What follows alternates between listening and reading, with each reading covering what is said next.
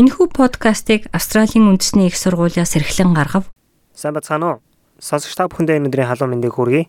7 өнөг бүр та бүхэндээ хүргэдэг оршин суух хөтжийнхоо энэ удаагийн дугаарыг хүрэхэд бэлэн болсон байна. Австралийн хүн амын сайд Алан Таж Канада улсын мужууд цагаачлалын төвшөндөө хэрхэн нөлөөлдгийг сайшааж байна. Австрали улсын хүн амын төвшинг зохицуулах үүрэгтэй сайд цагаачдыг бүс нутаг руу илүү татах асуудлаар Канада улсаас санаа авлаа. Алан Таж шин цагаачдыг том хотуудаас бусад газар руу оршин суурьшихыг уриалгах үүрэг даалгаврыг можууддаа олгож цагаачдыг татчихадсан Канада улсын амжилтыг дуурайхыг хүссэн байна. Хэдийгээр шин цагаачдад ухаан өргөцсөн муждаа үлдэн амьдрах хатуу шаардлага тавьдаггүй ч гэсэн ихэнх нь уг муждаа үлдэн амьдрдаг нь судалгаагаар тогтоогдсон. 5 дугаар сарын холбооны сонгуул болохоос өмнө засгийн газар том хотуудын төвжирлийн асуудлыг шийднэ гэсэн амлалтайгаа хүрээнд цагаачлалын түвшинд анхаарлаа хандуулж эхэлсэн. Засгийн газар байнгын оршин суух цагаачдын тоог жилийн 190 мянгаас 160 мянга хүртэл бууруулж бүс нутгуудад суурьших хүсэлтэй гадаадын оюутнууд болон ур чадвартай ажилчдад илүү боломжуудыг санал болгож байгаа юм. Канада улсын хувьд харин 1990 оны эхэнд бодлогоо өөрчлөхөөс өмнө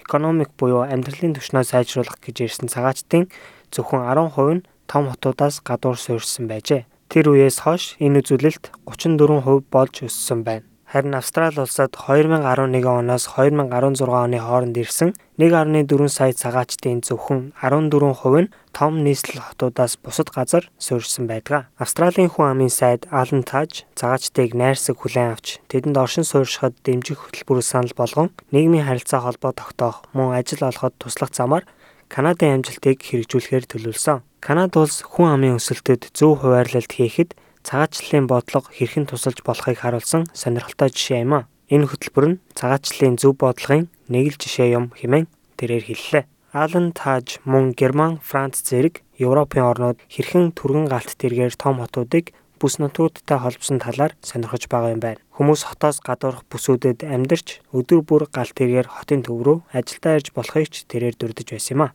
Холбооны засгийн газар 20 жилийн дотор Мельбурн, Сидней болон Брисбен хотуудын ихэнх дагуул хотуудыг холбох төлөвлөгөөтэй байгаа юм. Шинэ байнгын оршин суух эрх авах боломжтой визүүд эх 11-р сард хэрэгжиж бүс нутгуудад дор хаяж 3 жил ажиллаж амьдрах хүсэлтэй ур чадвартай цагаачдыг хүлээн авч эхэлнэ. Хэдийгээр цагаачлалын мэрэгжилтнүүд эдгээр боломжуудыг сайшааж байгаа ч цагаачдыг бүс нутгууд руу уриалсан өмнөх хөтөлбөрүүд бүтлгүүтэж байсныг санан болгоомжлуулж байсан юм а. Учир нь олон хүмүүс заавал амьдрах хугацаа нь өнгөрсний дараа эргээд том хотууд руу нүүн шилжсэн байв. Энэхүү мэдээлэл маань та бүхэн таалагдсан гэж найдаж байна. Дараагийн дугаараар тун удахгүй уулзцгаая. Монгол өв уламжлал Монгол гэсэн өрмөц онцлогоо бид хэрхэн хадгалах вэ? Австралийн тэргуулах зэргийн их сургууль болох Австралийн үндэсний их сургууль нь монгол хэлний онлайн курсыг танд санал болгож байна. Монгол хэлийг сурснаар танд өөрийн сурлага, ажил мэргэжилдээ цааш дахин дэвших боломж гарах болно. Монгол хэлийг бүх шатнд сурч болохоос гадна та хаанч амьдардаг байсан зайнаа сурах боломжтой юм. 2020 оны эхний улирлын эсэлд 12 сард эхлэх болно. Дэлгэрэнгүй мэдээллийг Asia Pacific цэг ANU цэг EDU цэг AU зураас languages холбоосоор орж авна уу?